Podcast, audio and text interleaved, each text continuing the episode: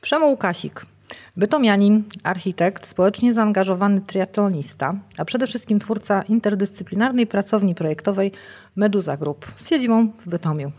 Poprzemysłowość to cecha charakterystyczna zarówno dla Bytomia, jak i dla całego regionu Górnego Śląska. Czy postindustrialne dziedzictwo to atut i szansa, czy raczej obciążenie?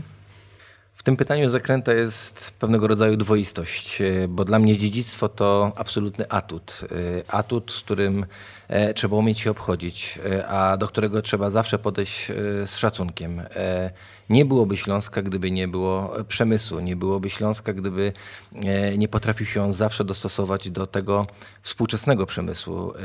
Za nami rozkwit przemysłu opartego o maszyny parowe, mamy takich obiektów mnóstwo. E, za nami przeszłość e, wydobycia węgla, wykuwania e, stali, wylewania jej surówki w naszych zakładach hutniczych, ale przed nami przyszłość moim zdaniem również przemysłowa, może tego przemysłu bardziej współczesnego, nowoczesnego, dlatego że to, co charakteryzowało i charakteryzować będzie zawsze Śląsk, to pewnego rodzaju odwaga.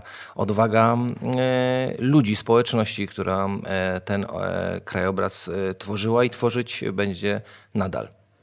Na główną siedzibę swojej pracowni architektonicznej wybrał pan zaadoptowany budynek warsztatowo-magazynowy przy ulicy Józefczaka w Bytomiu. To obok prekursorskiego Bolko Loftu, który stał się domem dla pana i pańskiej rodziny, kolejny przykład rewitalizacji przestrzeni poprzemysłowej w naszym mieście z zachowaniem jej surowego charakteru i poszanowaniem pierwotnej funkcji. Jak dostrzec piękno w opustoszałych, zaniedbanych przestrzeniach, których tak wiele na Śląsku? No, najprościej można było powiedzieć, wystarczy czasami podnieść głowę trochę wyżej, mm, ażeby zobaczyć coś e, spoza tej bliskiej perspektywy chodnika, czasami tego chodnika, których e, w Bytomiu mamy bardzo wiele pięknych chodników, e, tych granitowych, które czasami z bólem serca ale widzę, że próbujemy wymieniać na, na, na, na tandetną, często współczesną kostkę. Wystarczy podnosić głowę, wystarczy tą głowę podnosić na tyle wysoko, żeby zobaczyć często wśród naszych pierzei, w naszym krajobrazie obiekty, które e, obumierają albo często już są e, na takim e, etapie wstępnej agonii, ale które reprezentują przede wszystkim nie tylko potencjał estetyczny, bo ta estetyka jest czymś, co idzie dopiero w tle za potencjałem często kubatury, e, potencjałem przede wszystkim e, nośności, e, potencjałem pewnych możliwości, nowych możliwości, które w tych obiektach w których tych obiektach można na nowo za, zaszczepić. Tak było z Bolkoloftem, gdzie pozornie obiekt, który ja kupiłem, a który posiadał pozwolenie na wyburzenie, ustabilizowałem, utrwaliłem jeszcze w tym krajobrazie. Obiekt, który y, no, był wręcz niedostępny, dlatego że nie miał y, dostępu z poziomu y, ziemi. Udało się uratować, udało się go w jakiś sposób skrzesić i ja wspólnie z moją rodziną żyjemy tam codziennie. Podobnie z naszą pracownią, która znajdowała się i znajduje blisko centralnego miejsca e, naszego e, miasta przy rynku na ulicy Józefczaka, ulicy Przechodniej, był obiektem, który mijany przez bardzo wielu e, bytomian i nie tylko, gdzieś nie znajdował w wyobraźni tych mieszkańców, nawet inwestorów, no tego, co, co wcześniej nazwałem potencjałem na tych obiektów jest dużo więcej. Tych obiektów jest e, masa i ta kwestia estetyczna jest rzeczą, tak jak powiedziałem, wtórną. Ta estetyka właśnie w architekturze przemysłowej, poprzemysłowej zbudowana jest e, o funkcje, które kiedyś e, w tych obiektach występowały. Warto je rozważyć, warto je zachować, czasami zakonserwować, ale warto je poddać również częściowo jakiejś subtelnej, z szacunkiem, ale metamorfozie. E, innym przykładem udanej bytomskiej rewitalizacji, której podjęła się Meduza Group, jest przestrzeń wokół zabytkowego neoromańskiego kościoła świętego Jacka na Rozbarku. E, nowoczesna stylistyka ogrodu różańcowego, który tam powstał, kontrastuje z monumentalnym gmachem świątyni, tworząc dla niego intrygujące tło. E, co było inspiracją do stworzenia tego projektu? Nie wiem, czy była taka jedna zdecydowana inspiracja. Oczywiście w, w architekturze sakralnej e, ważny jest ten fundament, ten fundament ideologiczny, fundament pewnych przenośni i, i nie ukrywam, że, że mm, dla nas takim elementem wyjścia, na bazie którego budowaliśmy tą całą przestrzeń, otoczenie oraz te dwa pawilony, które stanęły wraz z zagospodarowaniem terenu wokół tego kościoła, była forma trójkąta, trójkąta Trójcy Świętej, tych rzeczy, które dla kultury, dla religii e, katolickiej są no, istotą. E, I tymi trójkątami e, tak staraliśmy się manipulować, żeby stworzyć przede wszystkim przestrzeń, przestrzeń niekoniecznie skoncentrowaną tylko i wyłącznie na sakrum, przestrzeń publiczną, dostępną dla ludzi, którzy niekoniecznie E, są e, wyzna, wyznawcami tej czy innej e, religii, ale przestrzeń, w której wygodniej nam jest może czasami usiąść, odpocząć, czasami pomodlić się, prowadzić zajęcia z, z młodzieżą.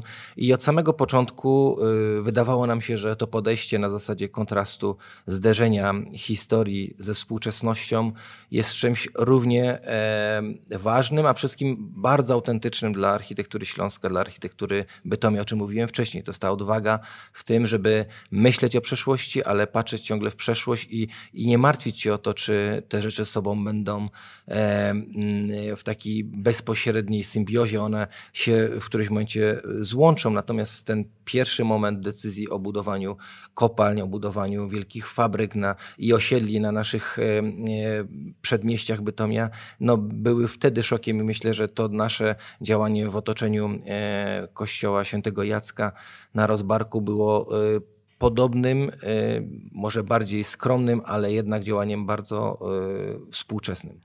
Które poprzemysłowe obiekty w Bytomiu dla Pana jako architekta i projektanta są inspirujące, poruszają Pańską wyobraźnię? A może w którymś z nich widziałby Pan swój nowy dom albo kolejną siedzibę dla Meduzy?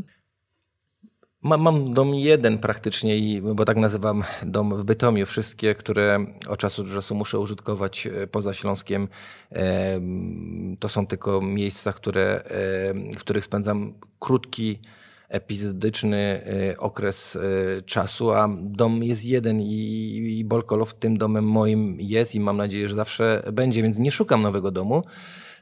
Jakie obiekty w Bytomiu poprzemysłowym inspirują, mogę powiedzieć e, bardzo szybko i mm, z pełnym przekonaniem wszystkie. E, wieloma z nich e, przyglądam się, wieloma z nich interesowałem się wspólnie z całym naszym zespołem. Tutaj warto wspomnieć chociażby o jakichś naszych próbach zabrania głosu w dyskusjach, które toczyły się chociażby wokół wieży ciśnień w Bytomiu przy ulicy oświęcimskiej e, sytuacji, w której e, dowiedzieliśmy się, że ona e, przewidziana jest do, do wyburzenia. Podjęliśmy próbę jakiegoś dialogu, ale takiego dialogu, jako, jaki przystoi architektom, czyli nie palenie świeczek, nie przykuwanie się łańcuchem, tylko poszukiwanie jakiegoś pomysłu, jakiejś nowej idei dla tego obiektu. Startowaliśmy w konkursie, wygraliśmy na Szyb Krystyna, który jest kolejnym z tych wielkich budynków, budynków, e, które e, ciągle jednak zamykają tak wiele perspektyw bytomskiego, e, bytomskiego, bytomskiej urbanistyki. Wspaniały obiekt, monumentalny, tylko mały, mały ułamek tego, co kiedyś toczyło się wokół, wokół tej wspaniałej kopalni, która była jedną z największych w ówczesnym świecie w Europie. Są obiekty mniejsze, jest y, zajezdnia kolei wąskotorowych, to dworzec e, kolejowy w Bytomiu. Może nie jest to obiekt e, poprzemysłowy, ale obiekt e, no, z, też z ogromnym potencjałem, który, któremu się warto przyglądać, ale są też takie małe malutkie, które czasami stoją obok mnie, czyli obok Bolkoloftu, które jeszcze nie znalazły stuprocentowego takiego docelowego nowego użytkownika. Są jeszcze mniejsze jak małe garaże i taki jeden z garaży kupiłem również przy Placu Klasztornym. Nie wiem po co, ale, ale, ale, ale może to jest jakiś kolejny z tych obiektów, które tak wielu ludzi mijało. Mi się do tej pory udało z Arturem Rojkiem zorganizować tam kiedyś przy okazji o festiwalu taką kolację dla, dla zagranicznych artystów, którzy chcieli e, dotknąć Śląska i wydawało mi się z Arturem, że, że, że ten Śląsk e, zaklęty jest również bardzo mocno w, w centrum e, Bytomia. Pracownię mamy na ulicy Józefczaka i jest nam tam bardzo dobrze. Drugi fragment naszej załogi siedzi w Warszawie, trochę innej substancji. I tą substancję w Bytomiu od dłuższego czasu jakoś sobie staramy e, dopasować, żeby było nam po prostu wygodniej naszym klientom. I myślę, że nie będziemy szukać e, kolejnej siedziby. Natomiast e, wydaje mi się, że jest bardzo wielu ludzi w Bytomiu albo ludzi, którzy kochają ten Bytom będąc jeszcze nie do końca ich mieszkańcami, którzy za sprawą może tych dwóch, trzech, czterech przykładów zaczną, zaczną myśleć o przeprowadzce do Bytomia, bo tu atutów na mieszkanie jest dużo więcej niż tylko ta substancja poprzemysłowa. Lubimy nazywać elektrociepłownię Sząbierki katedrą industrialu, ale co się tak naprawdę kryje za tym określeniem? Co pana jako architekta zachwyca w tym dziele Emila i Georga Cilmanów sprzed dokładnie 100 lat? Co mnie zachwyca? No zachwyca mnie y, przede wszystkim idea, pomysł, y, a można prościej powiedzieć, zachwyca mnie tam praktycznie wszystko.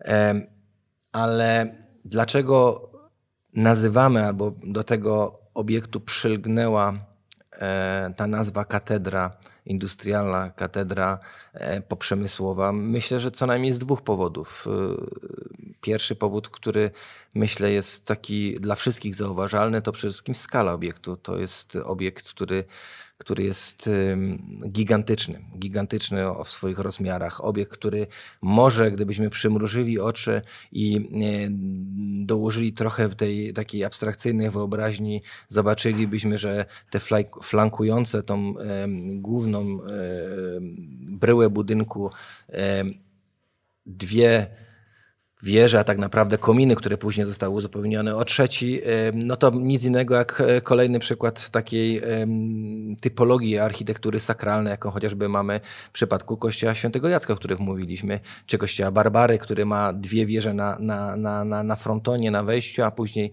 gdzieś e, w nawie centralnej pojawia się kolejna jakaś dominanta. Ale myślę, że tu również chodzi o jeszcze jeden aspekt, e, o pewnego rodzaju symbolikę. Katedra to jest coś, co na pewno wielu z nas, ja jestem osobą wierzącą, e, e, łączy się z sakrum, z czymś świętym, czymś, co powinniśmy dbać, szanować i nie pozwolić, żeby stała mu się krzywda. I, i w tym w tym kontekście uważam, że bardzo wielu ludziom wierzącym i niewierzącym, albo przynajmniej wierzącym w tym, że przeszłość ma sens, historia ma sens i, ten szacunek dla tej historii jest bardzo ważny w tym, żebyśmy się rozwijali w przyszłości to jest to, żeby dbać o ten obiekt.